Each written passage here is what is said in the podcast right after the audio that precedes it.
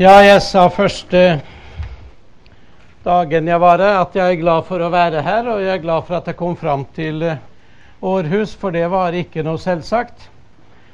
Det kommer av at hun som var flyvertinne på flyet fra København til eh, Århus, hun eh, introduserte da vi nærma oss Århus, at ja, nå må du gjøre klar til landing, for nå nærmer vi oss Aalborg, sier hun. Så vi skvatt litt i stolen noen hver, og så kom det på engelsk. Uh, and then sa she said that we are just arriving Copenhagen. så da var forvirringen total, så jeg sa til henne som sto rett bak meg, at jeg tror du er litt trett.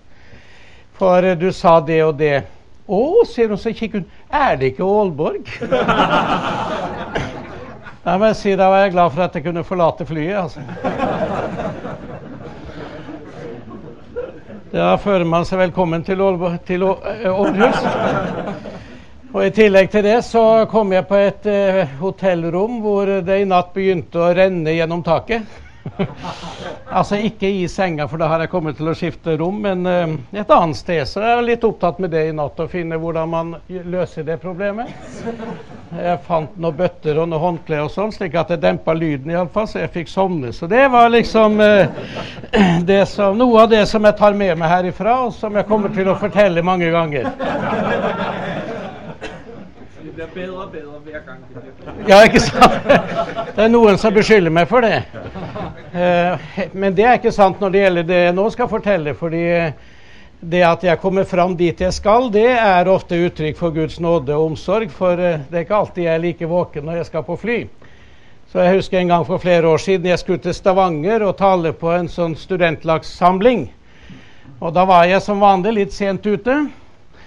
Så eh, det var bare noen minutter før flyet skulle gå, så eh, de sa bare i billettskranken bare løp inn og se om du klarer å nå det. Og jeg løp og løp og kom akkurat opp da de skulle heise opp uh, trappa.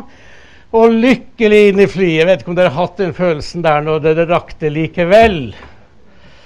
Og så gikk jeg ned midtgangen i flyet for å finne et sete og la opp veska mi og frakken min. og setter meg ned glad og lykkelig da hører jeg flyvertinnen sier 'Velkommen om bord i denne SAS-maskinen som går til Amsterdam'. Og jeg spratt opp av setet og tok med meg frakken og, og, veska mi og løp fremover for å se om jeg kunne komme meg ut. Akkurat kommet til utgangen, så sier hun 'Vi mellomlander i Stavanger'.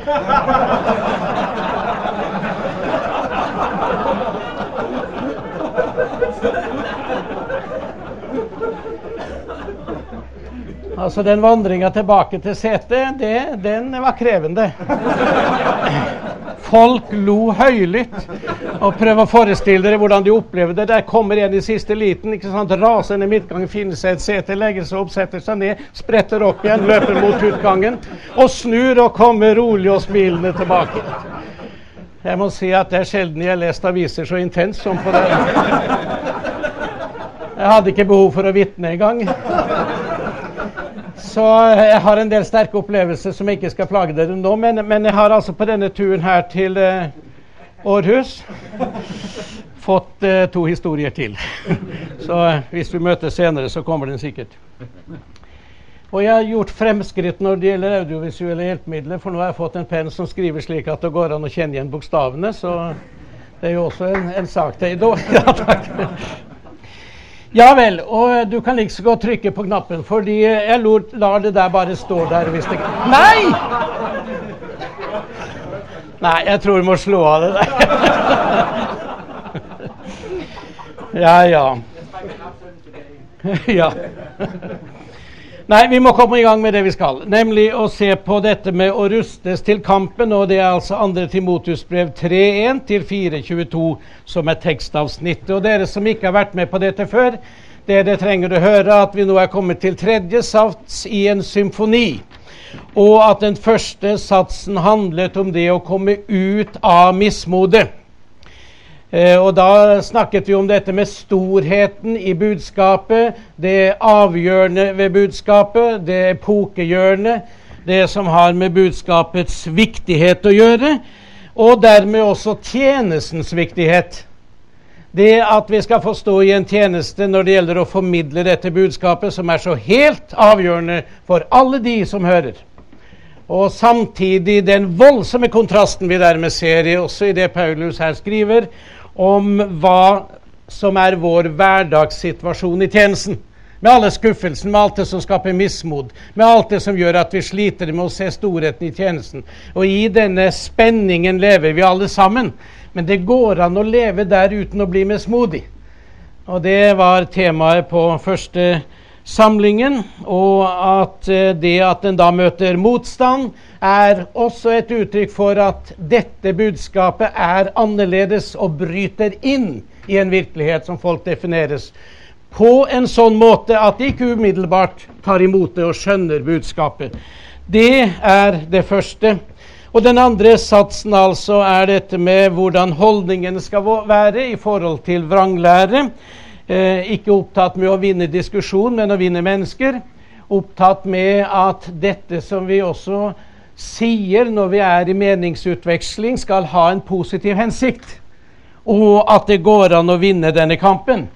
Det er det første som da, hvis dere har tydningens gave, klarer å se. Den kan vinnes. Altså, det er veldig viktig å være klar over at vi må ha denne positive holdning til de og forventning til det. Det er noen som ringer her, men det er greit. Det, det. Ja ja, det er ikke noe Det, det er sånn. Og at dette skal gjøres med vennlighet. Eh, og at det er den holdningen vi skal ha. Jeg hørte en debatt mellom John Stott og en av de meget utrerte karismatiske lederen i England. Eh, og da hadde denne siste en innledning hvor han sa det er med stor respekt jeg eh, diskuterer med John Stott. Uh, I think he will cut off my head, but he will do it gently. Og uh, det er flere måter å oppleve det på, men iallfall dette med vennlighet er uhyre vesentlig når det gjelder å formidle det som er den rette holdning, fordi en alltid skal ha en positiv forventning til at det vi gjør, skal ha en slik forventning. Du begynner å lure på om det er min egen. Men nå er den over. Og derfor så er det, det Lyden er slått av, altså, bare så dere vet det. Så er det altså da det neste og den tredje sats handler om følgende. Det å bli rustet til denne kampen, for det er snakk om kamp. Det er snakk om kamp når det gjelder kamp mot mismot, mot motstand, mot evangeliet. Uh, og dermed altså samtidig fastholde at kampen kan vinnes. Jeg tror det er viktig å fastholde denne optimismen Um, og at en tror på det som står i slutten av det andre kapitlet, nemlig at det er mulig å få folk til å våkne opp av rusen og komme seg ut av snaren som djevelen har fanget dem i, så de må gjøre hans vilje. Eh, og merk dere det verset, ta, dere, ta det verset med dere, slik at dere har motivasjon til å nærme dere mennesker på en positiv måte, slik at dere ikke opptrer redd, defensivt og ut fra det aggressivt. Det er av og til å ha en følelse at debattanter opplever seg som et dyr som er blitt på en måte fanget opp i et hjørne og ikke kommet seg unna. Hvis du får et dyr opp i et hjørne, så opptrer de aggressivt, fordi de kommer seg ikke unna. Og, og, den følelsen kan du av og til få når du møter vrang lærere og folk som en føler undergraver det en står for. Det er viktig å kunne beholde denne optimistiske tro på at uh, Gud er den som har det siste ordet, og at han er i stand til å ta vare på sitt folk. Guds faste grunnvoll står. Og denne grunnvollen, som jeg sa i går, det er Guds sanne menighet det som er sannhetens støtte og grunnvoll. Jeg har av og til møtt kritikk når jeg har vært i polemikk om, om lærespørsmål i forhold til vrang lære, og fått den kritikken at jeg opptrer som Guds advokat eller politimester. Det har vært brukt flere uttrykk. Altså en oppfattes som en som forsvarer Gud. Og det var en som vennlig sa til meg du trenger ikke forsvare Gud. Og mitt svar på det har jo vært jeg gjør ikke det, for det er klart jeg trenger ikke det. Men jeg trenger å forsvare dem som Gud ønsker å nå. Og Det er det, ikke minst unge, barn og unge mennesker, fordi der vrang lære kommer inn, der går noe tapt. Altså, jeg forsvarer, og vi forsvarer ikke Gud. Men eh, vi har noen å forsvare som ellers vil bli utsatt for villfarelse og dermed undergang. Så eh, vi må ha den positive holdning til det. Vi, Gud trenger ikke noe forsvar.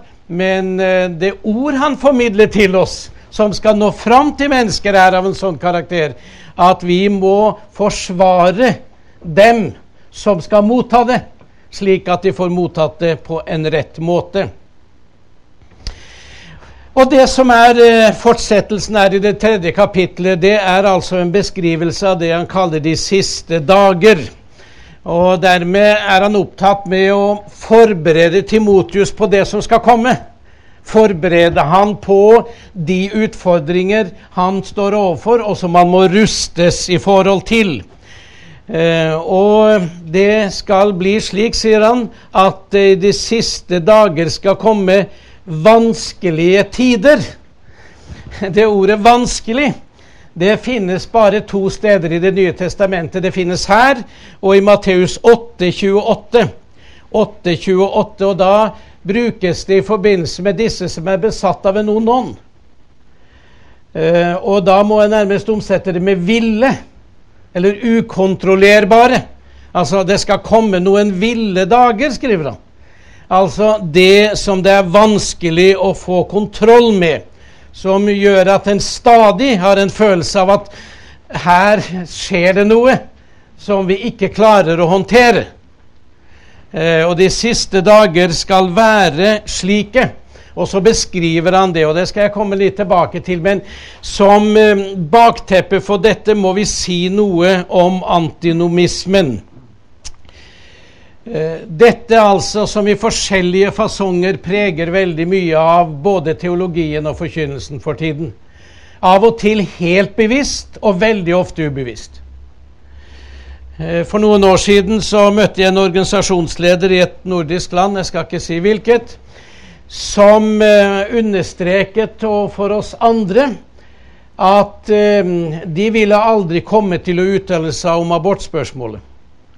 Og de ville aldri som bevegelse si noe om samlivsordninger. Og hvorfor? Jo, for deres oppgave var å forkynne evangeliet.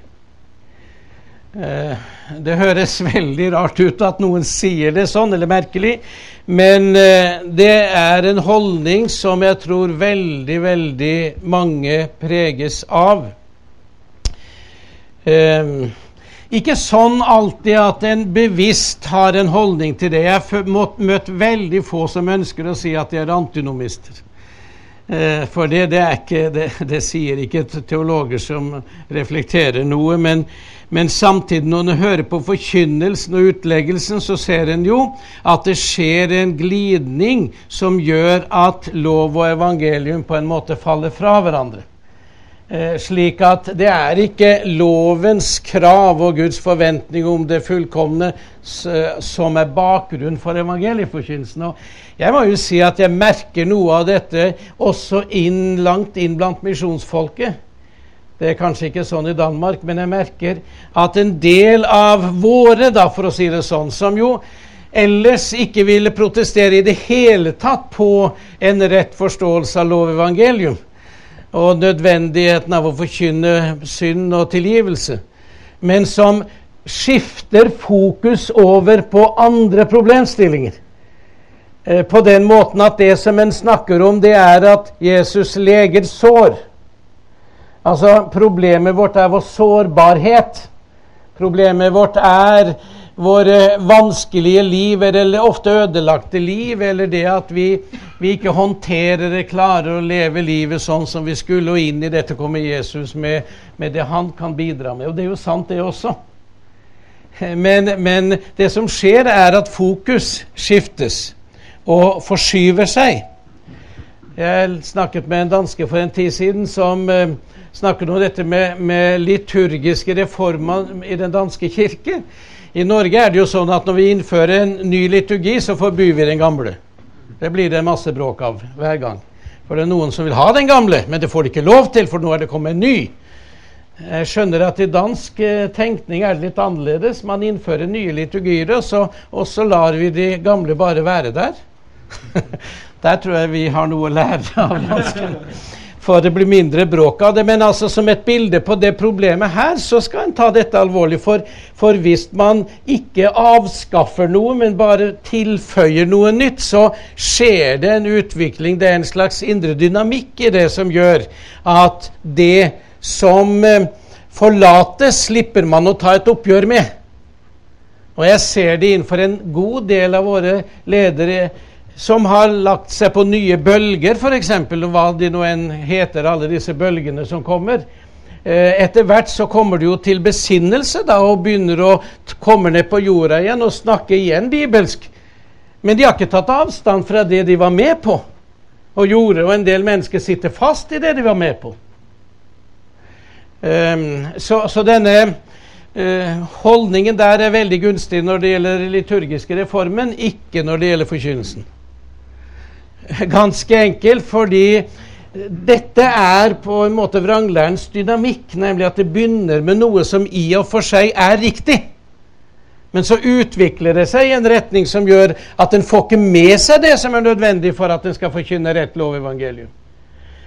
Uh, og og I en sånn utvikling vi ser i en god del av denne som jeg vil kalle nå også horisontale forkynnelsen av evangeliet, som da ikke er forkynnelse av evangeliet i siste instans, der er det noe som blir borte. Og det er selvfølgelig det som også Karsten var inne på, forestillingen om Guds vrede.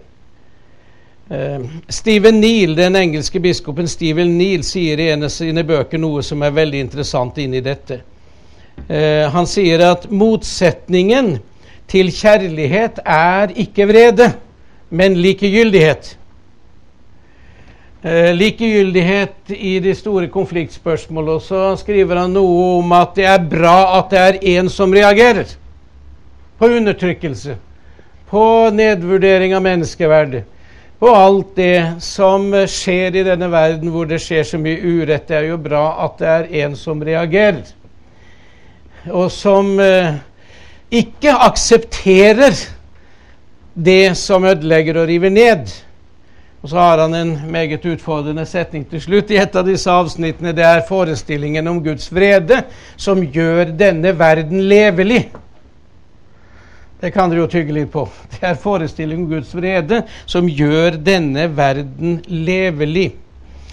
Og det er noe vi må være frimodige til å fremholde altså i en tid som vår. For hvis vi ikke tar opp kampen mot alle slags utslag av antinomisme i forkynnelse i teologien, så vil vi ende opp i en gudsforestilling som er aldeles umulig å håndtere ut fra det at Gud er kjærlighet.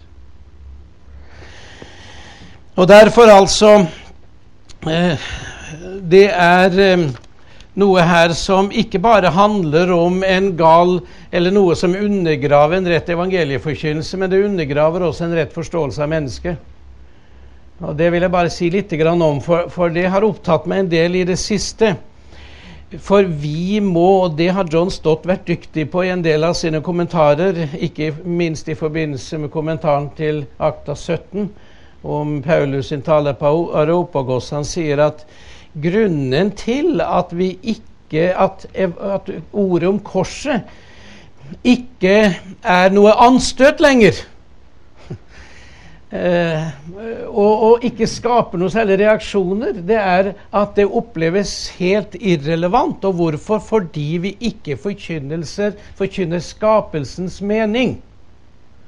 Altså, du, du, skjønner ikke behovet for korset før du begriper hva Gud ville ved det at han skapte oss til samfunn med seg og til å leve for hans ansikt. Og En gang jeg nevnte dette her i Finland, så kom det en misjonær bort til meg og sier ja, men i, fin, i, i misjonær som har vært misjonær i Japan gjennom mange år, hun sier dette er helt riktig, fordi i Japan så har de ikke forestilling om en personlig Gud på den måten som vi har. Så vi må begynne enhver preken, vi, med skapelsen for at vi skal få skjønne, skjønne ordet om korset. Eh, og, og det er en interessant observasjon. Jeg tror nemlig at eh, vi må gjenskape også forståelsen av hva det vil si å være skapt i Guds bilde. For livet, det angår Guds forhold. Eh, og, og, det som har med lovens krav og lære, nei, livsregler, det angår gudsforholdet ganske enkelt fordi vi er skapt til å stå for Guds ansikt. Da jeg gikk opp i religionsfilosofi, eh, det er lenge siden, på 60-tallet, hos professor Nome på Menighetsfakultetet, så var jeg forferdelig nervøs. Av meget gode grunner. Eh, professor Nove var en meget lærd mann, og han eh, talte på en sånn måte at det ble litt vanskelig å få med seg alt, for å si det mildt. Og jeg husker en gang vi kom ut fra en forelesning, så det er en av disse andre studentene, som jo ikke kanskje var den ivrigste studenten, da, for å si det sånn, som sa ja, dette må jo være å sitte ved Gamaliels føtter. Første semesteret får du bare med deg fotsvetten. Det er den følelsen du av og til har. og og um, Jeg husker en gang da Nome holdt på å legge ut noe av det virkelig det som han brant for, og som vi ikke skjønte oss selv. Altså At det var religionsfilosofi han foreleste om, det visste vi jo, for det sto jo på forelesningsplanen. Men um, da var det en som rekte opp handa og sa du, er dette nødvendig? altså Det er jo sånne ting som studenter kan finne på å spørre om. vet du, Det går jo ikke an. Det er første gangen jeg så professor Nome i virkelig affekt. Da, da, da, da stamma han, og han ble rød, og han ble sint. Og, og sa det er, det er noen av dere som, som heller skulle vært rødleggere, sier han. Så vi ble veldig motivert for religionsfilosofi, og så skjer altså da det at vi kom opp i det, noen av oss. Og det var en panikkopplevelse, for um, Én ting er å ikke vite svaret på spørsmålene, men når man ikke engang skjønner spørsmålene, så legger man tynt an. Men jeg kom iallfall inn og satte meg ned på stolen, og så sier noe med Kan, kan kandidaten bare med ett ord eh, forklare Grundtvigs syn på menneskeverdet? Heldigvis gikk det bra. Altså, Jeg kom på ett ord. Ja, jeg sa, Hvis jeg skal si det bare med ett ord, så må det være ordet gjenlydsord. Ja. Ja. Takk skal du ha. Jeg fikk en god karakter. Ja, Vi sa litt mer, altså. Jeg måtte forklare litt mer hva gjenlydsord i Grundtvig sin munn var. Men, men da kom ut på gangen etterpå, tenkte jeg hva i all verden var det jeg sa nå som gjorde at dette gikk bra?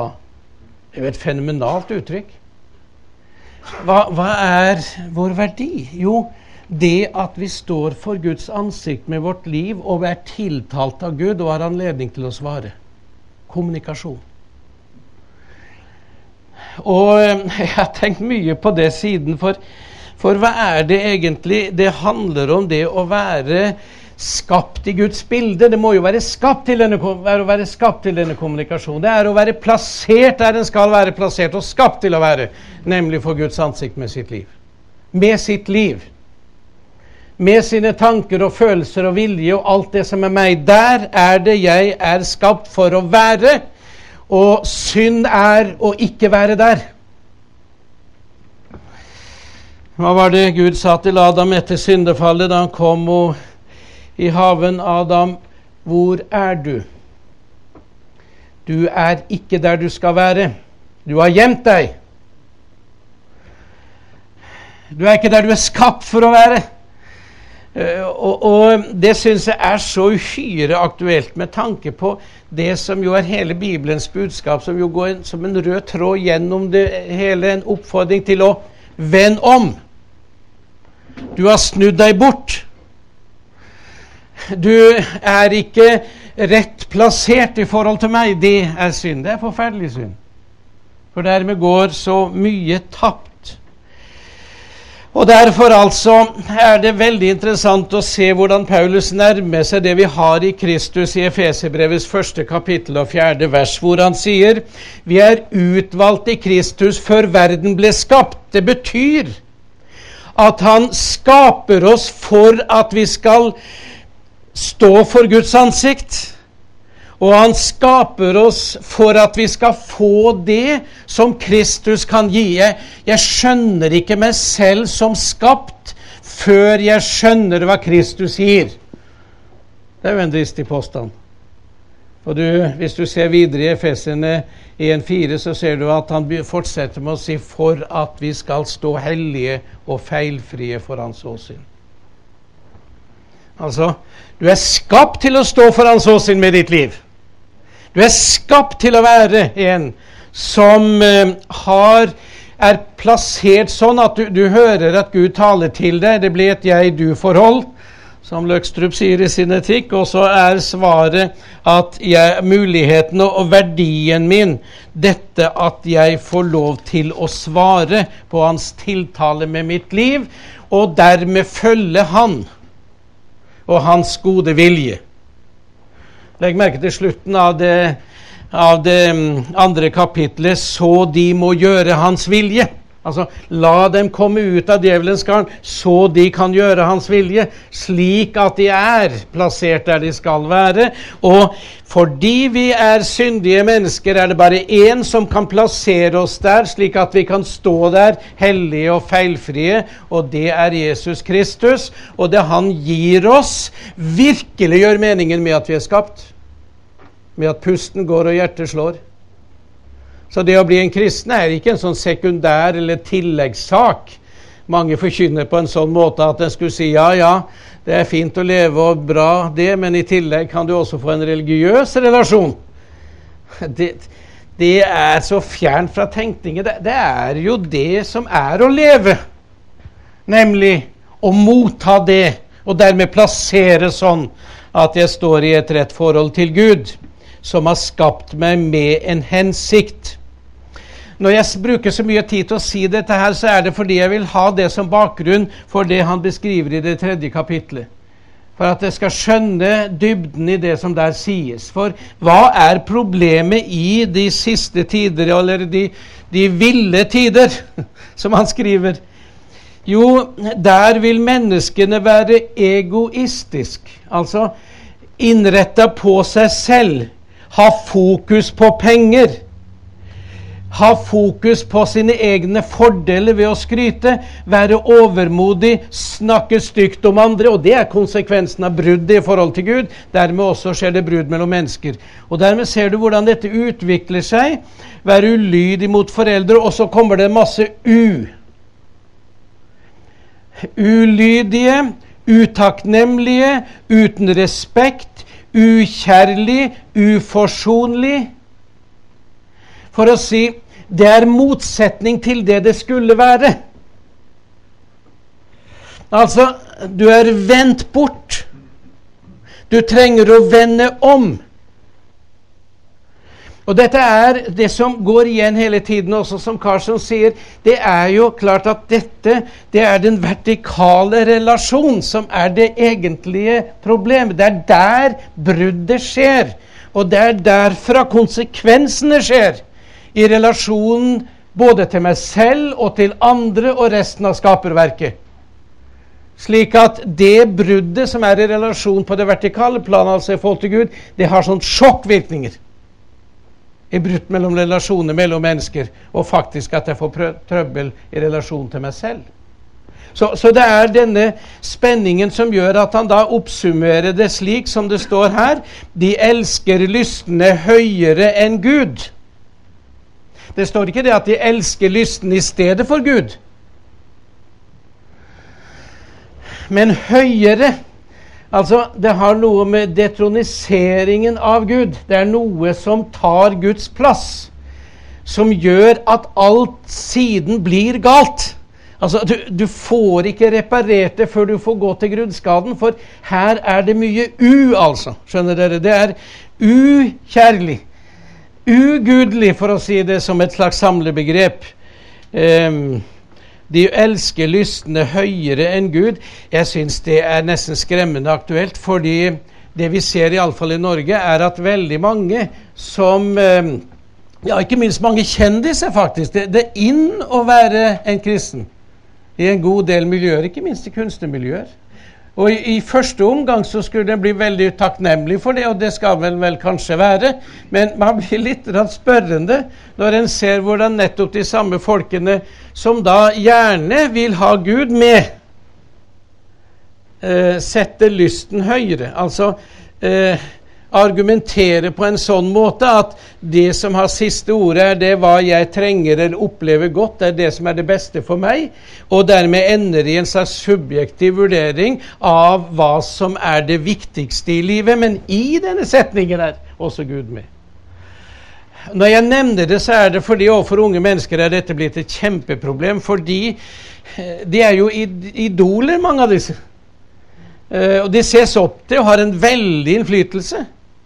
Og, og, de kaller seg kristne, eller de eh, taler vel om Gud.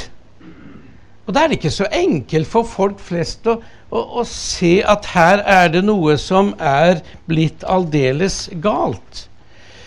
Um, det er dette som skal prege mennesker i den siste tid. Og de bruker ord som gjør at det er veldig vanskelig å gjennomskue det. Og han sier i vers 5 de har det i det ytre har de Guds frykt. Eller de har gudsfryktens skinn.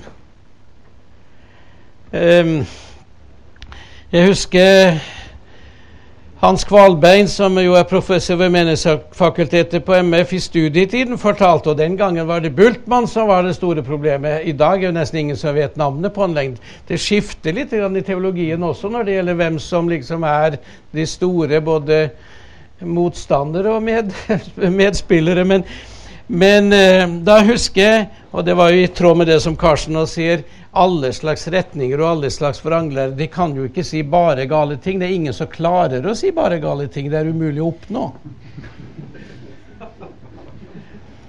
Og, og Bultmann var jo meget god når det gjaldt å formulere dette med rettferdiggjørelse ved tro. Uh, og det kunne jo skape stor forvirring. For, for, og da var det Kvalben fortalte meg at han tok med seg et avsnitt der Bultmann har skrevet om rettferdiggjørelse med tro, og så leste han det for sin meget fromme og skriftlærde bestemor. Og hun nikket og ble rørt og syntes dette var fantastisk flott. Og det som skjer selvfølgelig akkurat der, er jo at hun la jo det rette, det rette innholdet i alle disse begrepene. Men hun visste jo ikke at Bultmann la noe helt annet inn i disse begrepene. Og, og det går bra så lenge mottakeren vet hva som er det rette innholdet. Men når en ikke lenger vet det, da skjer katastrofen. Da skjer altså det som ødelegger. Og jeg må nok si når det i Danmark har vært så mye oppstyr omkring en prest som ikke tror på Gud, så er det Jeg holdt på å si det er ikke så farlig. Altså, Når det blir så galt som det der, så skjønner folk flest også i gata at, at det får liksom gå en grense et sted. Eh, det tror jeg nok, og jeg tror nok også sekulære journalister i aviser i Danmark så langt jeg skjønner, har stilt en del kritiske og litt ironiske spørsmål til hva dette egentlig handler om. Er man presse, må man iallfall tro på Gud, om ikke annet. Eh, Dagens Nyheter i, i, Sverige hadde en ganske god kommentar for noen år siden i, i, debatten i Sverige om kvinnelige prester. Her sto det noe sånt som at det er en merkelig kirke vi har fått. Det er ikke så farlig om du tror på Gud, men du må være for kvinnelige prester. Eh, og, og, da kan du begynne å lure på hva, hva er det som har skjedd. Når det blir så ekstremt som dere har opplevd det her, så er vel ikke det så forskrekkelig farlig med tanke på forfølelse, fordi det ser folk flest er såpass spesielt. Men det andre skal man være litt oppmerksom på, nemlig dette med, dette med gudsfryktens skinn, og dermed at den samtidig fornekter dens kraft. Og med det menes at den har skinn av gudsfryktighet, og dermed gir uttrykk for at den Og mener det, selvfølgelig. Man tenker ikke at de er hyklere. Mener at det er sånn. Og likevel har de lagt merke til at i en tid som dette, så svekkes forkynnelsen av omvendelse. Og det er jo ganske merkelig, for hvis du ser på Jesu forkynnelse, er jo dette hovedtemaet. Tenk på eh, Markus 1, 14 er det vel, hvor hvor Markus beskriver innholdet i Jesu forkynnelse. eh, Guds, eh, himlenes er Guds rike er nær, venn om å tro evangeliet. Altså Det er det som er temaet i det Jesus forkynner. Og Hvordan kan det da ha seg at vi har kirker i det nordiske land hvor omvendelsesforkynnelsen i mange sammenhenger nærmest er borte? Ja, Dere kan jo gå i kirker og høre hvor mange er det som virkelig utfordrer folk til å vende om og følge Jesus. Og som taler tydelig om at det er det som er virkningen av det de ønsker å forkynne. Hvor mange ganger skjer det? Uh, og Derfor altså er det viktig å si noe om at, um, at omvendelsesforkynnelsen er det helt sentrale som er innholdet i budskapet. Vi hadde en prest i et av våre steder hvor vi har vårt barnearbeid og ungdomsarbeid som blomstrer, men denne presten sa til disse ungdomsledere at det er ikke nødvendig å drive barnearbeid, for alle disse barna er døpt, og dermed så har de det greit i forhold til Gud. Eh, når det blir sånn, så kan man jo virkelig begynne å lure på hva en tenker. Eh, da vi skulle etablere Nordmisjon, og det får være det jeg sier før pausen, kanskje. Nei, det er kaffe sånn om et kvarter og ti minutter. Da fortsett på det. Ja.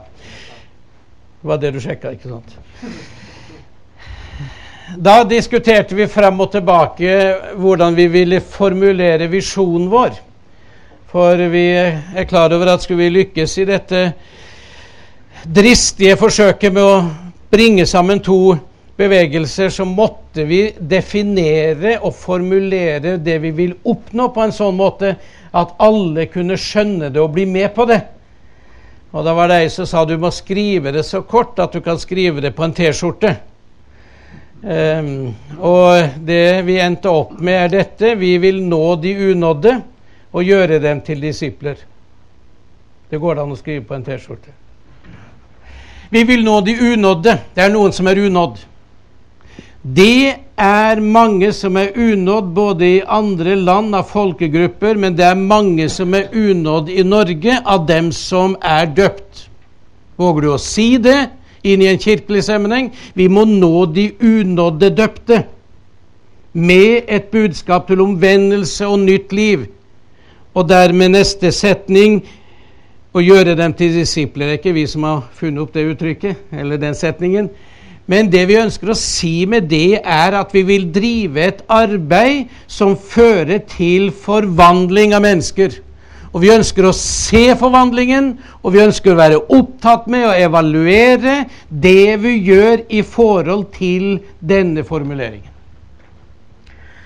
Og vi vil ikke ønske å bli evaluert ut fra hvor stor vi er, hvor mange vi er, hvor effektfulle vi er når det gjelder arbeidsformer. Det er én ting en ønsker å bli testa på. Det er at unådde nås med et evangelium som gjør at de vender om, og livene forandres.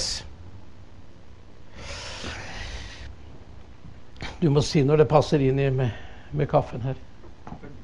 Fem minutter. Eh, og Derfor over eh, til eh, vers 5.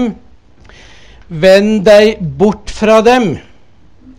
Det betyr ikke at en skal bryte forbindelsen med dem, for vi ser i slutten av forrige kapittel at Paulus faktisk har denne optimismen med seg hele tiden. At de kan vinnes og hentes inn igjen. Men du må vende deg bort fra det som de gjør, slik at ikke dette slipper inn. Det liv og det eksempel som disse er.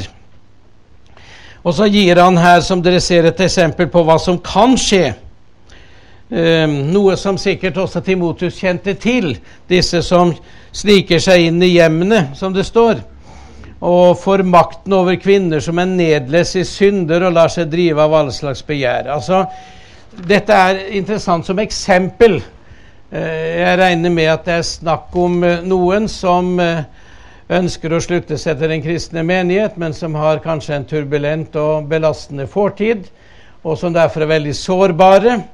Og det vil alltid være sånn at vrang lære og slike som farer med det, forfører dem som er sårbarest. Og Det er jo derfor denne kampen handler i veldig stor grad om barn og ungdom og mennesker som er i en sårbar livssituasjon. Det sier noe om hvor viktig kampen er, og hvor mye som står på spill. Og Derfor tror jeg at Paulus bruker et eksempel som demonstrerer at her er det de svake og sårbare som føres vill. Og at dette er virkelig en kamp for rettighetene til de som er i en sårbar og vanskelig livssituasjon, og som derfor raskest blir offer for denne type villedning. Og Så nevner han uh, det som skjedde med Jannes og Jambres. Uh, disse to navnene finner man ikke ellers i Bibelen, uh, bare her. og hvis du leser beretningen om Moses, så finner du ikke navnet der heller. Eh, så um, det lengste man har kommet, eller det nærmeste man har kommet i å se hva dette kan vise tilbake til, må jo være det som står i 2. Mosebok 7, 11 og utover, i forbindelse med Moses og Arons møte foran, foran farao. Og hvor altså da Aron får beskjed om å kaste stokken sin på foran føttene på farao, og den blir til en slange. Og så kommer vismennene og, og trollmennene til farao og gjør det samme. Eh, det som jeg syns er sjarmerende med den fortellingen, er jo da at eh, slangen til Aron spiste opp de to andre. Eller tre andre som ble til slanger. og hvordan man skal tolke det, vet jeg ikke. Jeg har lurt litt på som barn, husker jeg, hvor, hvor tjukk den stokken ble til slutt. Når han ble det, når han har spist opp to andre. Men det er nå så.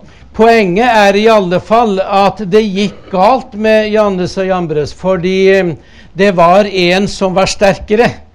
Altså, det var Arons slange som vant. Selv om eh, det som også vismennene og trollmennene gjorde, var spektakulært og derfor kunne imponere. Det er en som har siste ordet. Det er en som er på den seirende side, og det er det vi skal ta med oss inn i det vi nå skal om en stund si angående Timotus' rolle i dette. Og da tar vi en kaffepause her. Ja. Ja, da tar vi for oss den siste runden. Vi skal iallfall kunne med det som jeg nå har igjen å si her, og anledning til samtale, så har vi en halvtimes tid igjen på det. Eh, så får vi bruke den tida så godt vi kan. Ehm, det som eh, sies ehm, i forbindelse med de som sniker seg inn i hjemmene og, og ehm, gjør forfører eller forviller eller får på avveie disse som nevnes her, der står det at disse som da blir ført vill, det er slike som stadig vil lære, men aldri lære sannheten å kjenne. Det står ikke at de ikke vil lære sannheten å kjenne. Det står rett og slett at um, de vil lære, men de får ikke lære det de skal. Og, og, Det tror jeg er en beskrivelse av mye av det som foregår. Det er en hunger når det gjelder å lære. Og dette med Alfakursen er jo et veldig interessant eksempel på det.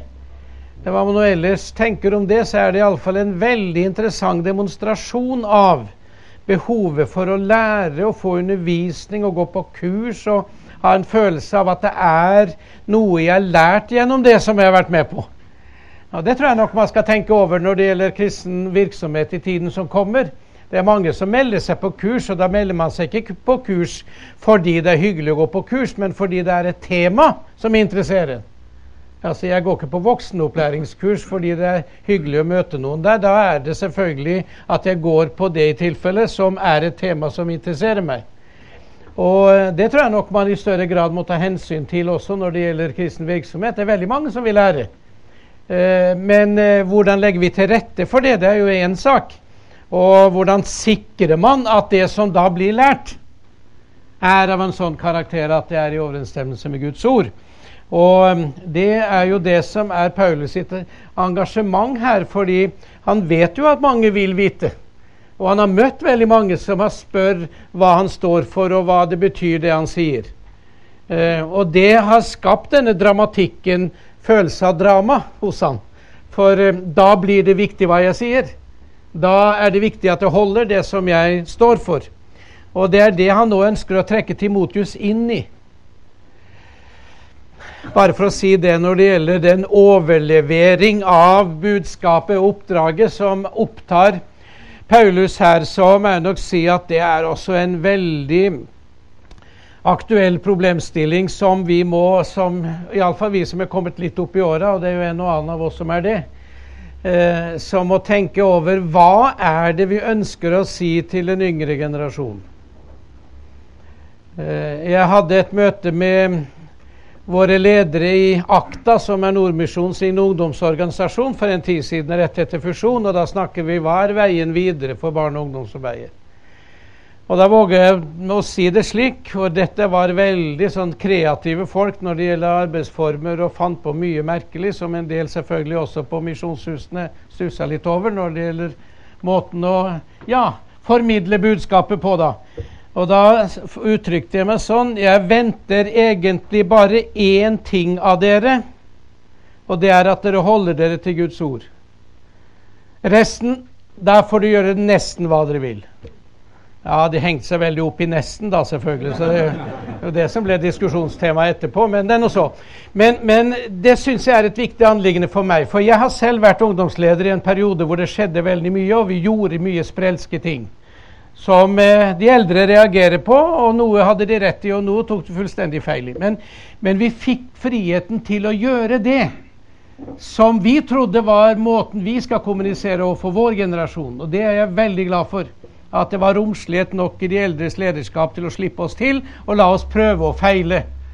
Og, og Det har jeg prøvd å si til meg selv i de stillingene jeg har hatt, hvor jeg også har hatt med ungdomsarbeiderne å gjøre at uh, det er bare én ting jeg er ute etter når det gjelder dere, og som jeg kommer til å ligge på dere og passe på at dere holder dere på matta, det er at dere holder dere til Guds ord, for det fins ikke noe annet våpen i det hele tatt for Guds rike enn åndens verd, som er Guds ord.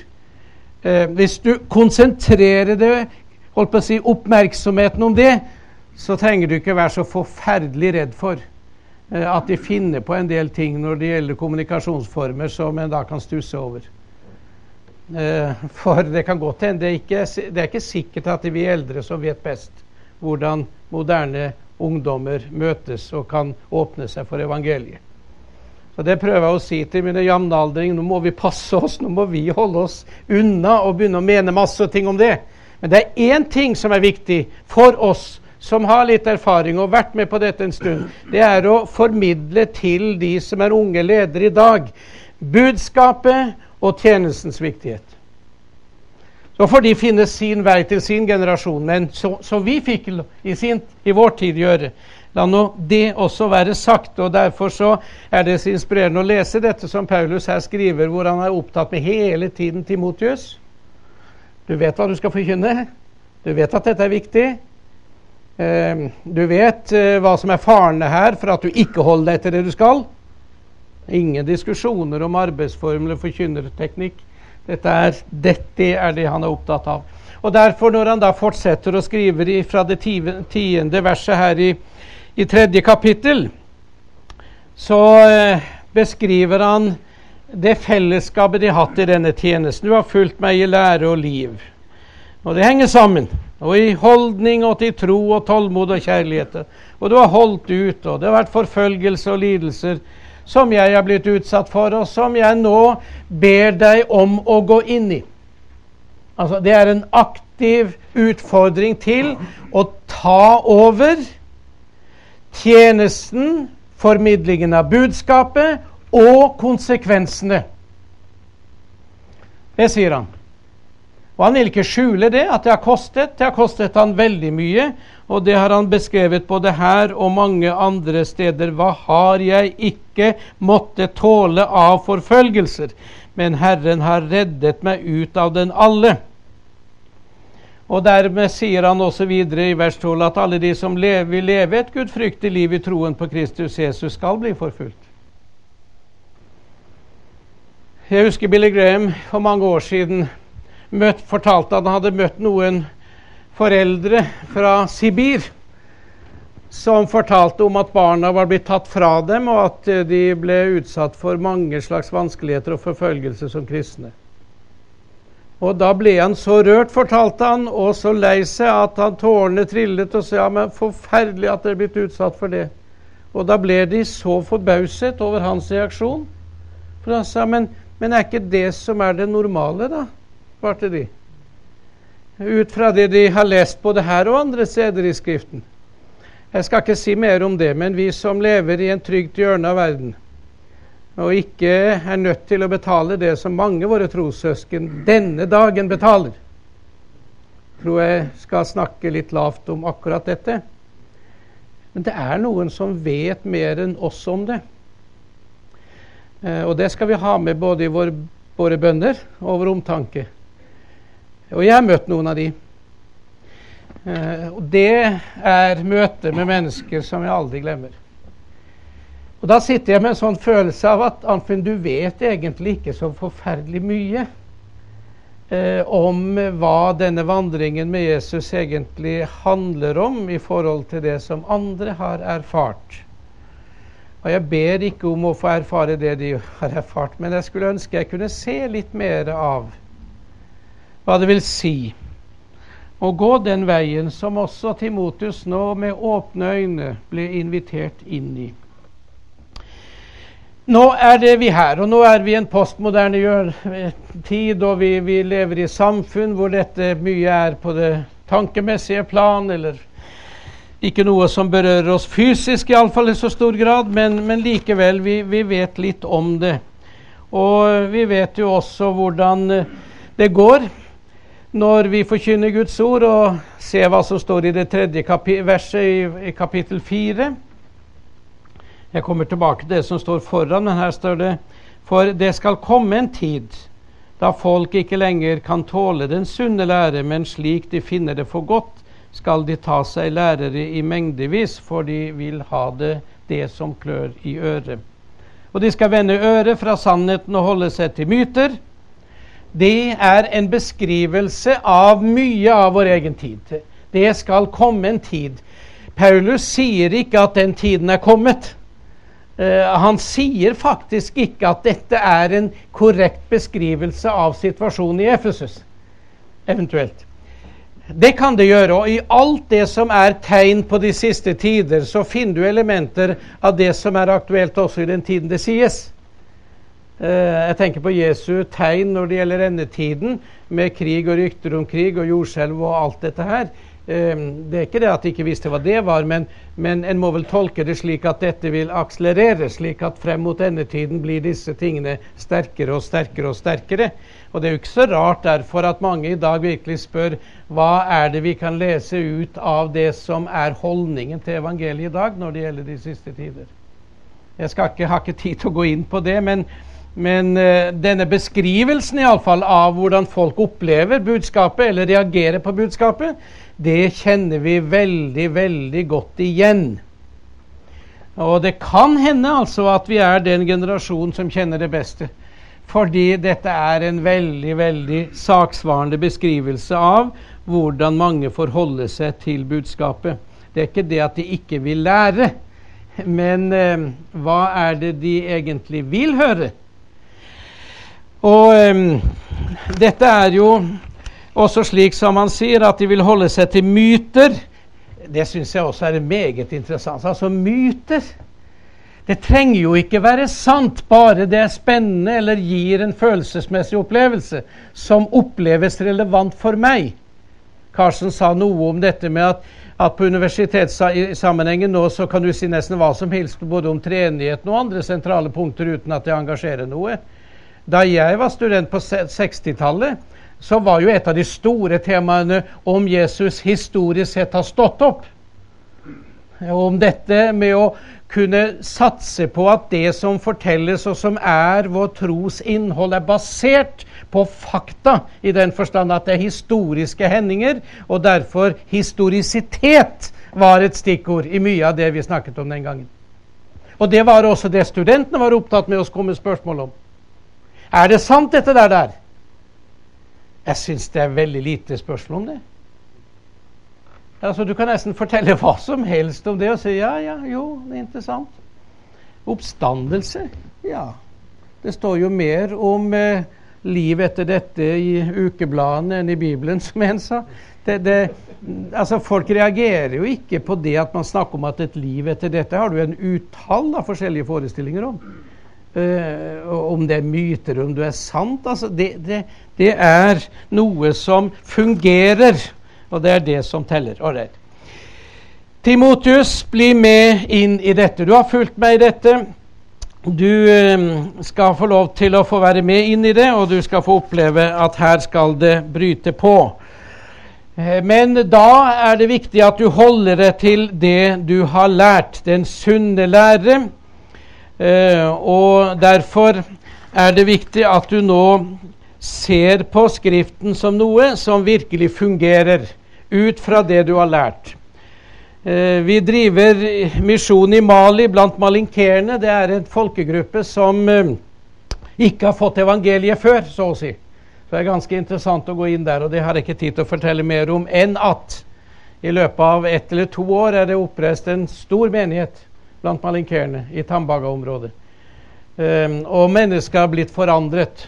Og det er det som er med å, å, å føre til at stadig flere lytter til budskapet. Og uh, i Tambaga by er den størst, mest, mest, kjente og fryktede kriminelle personen blitt en kristen, og han er blitt helt forandret.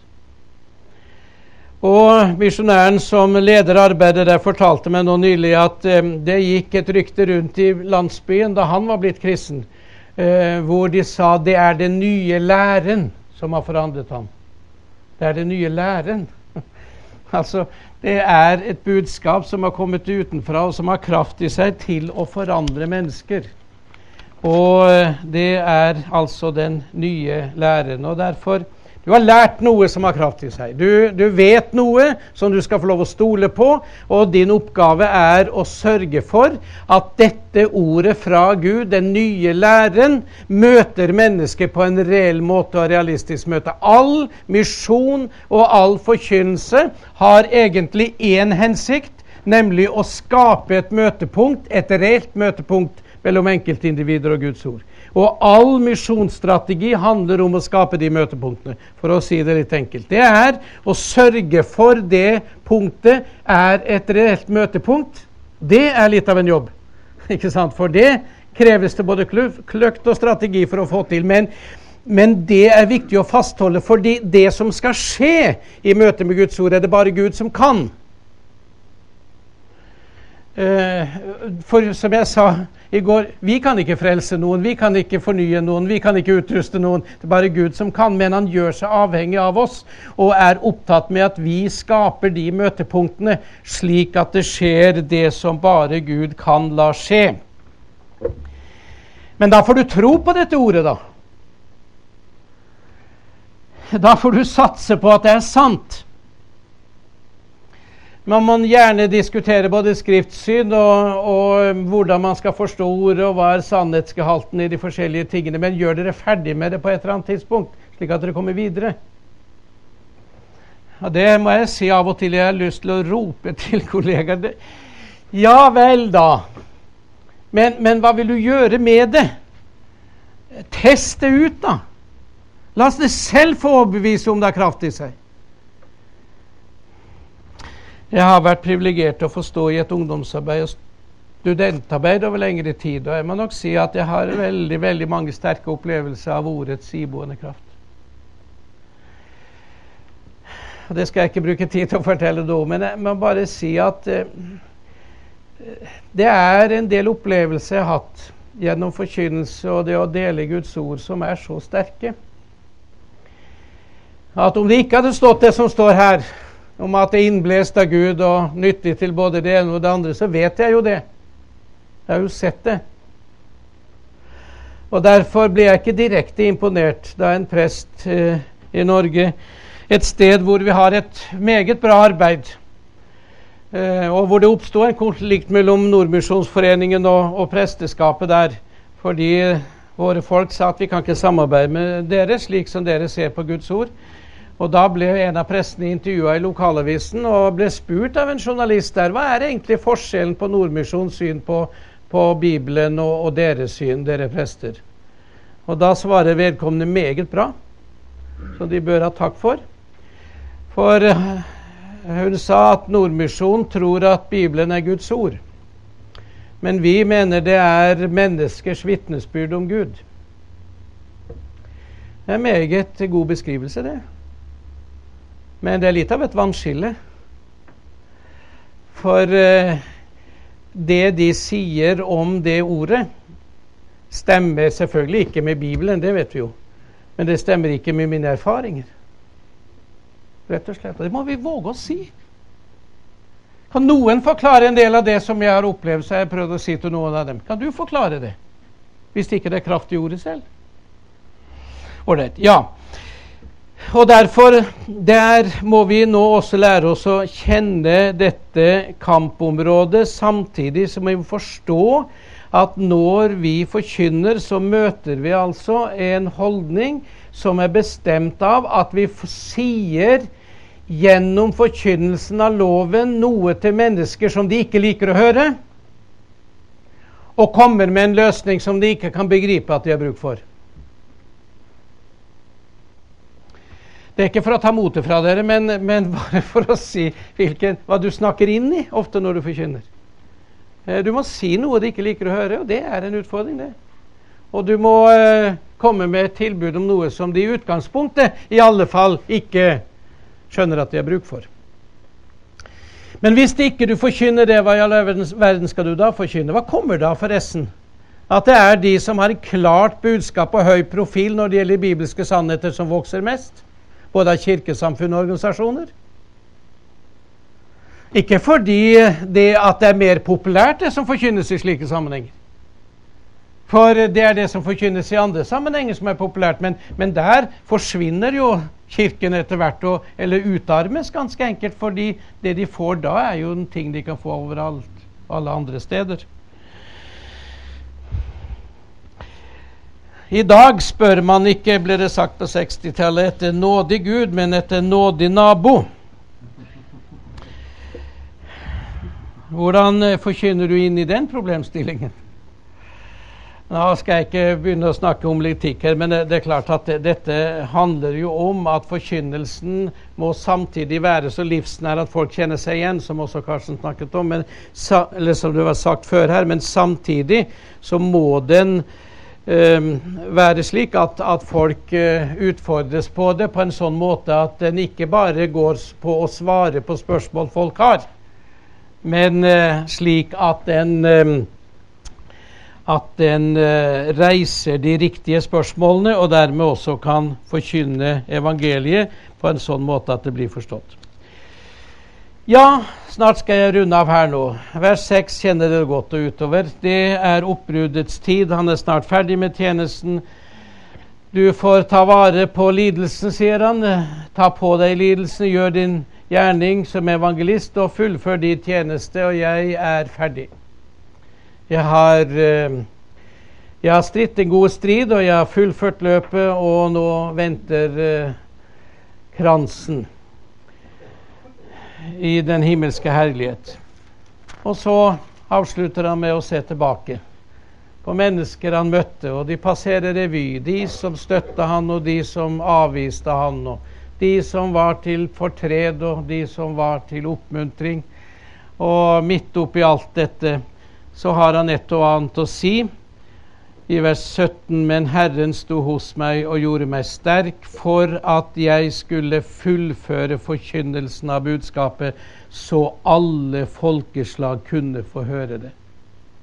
Kan du tenke det?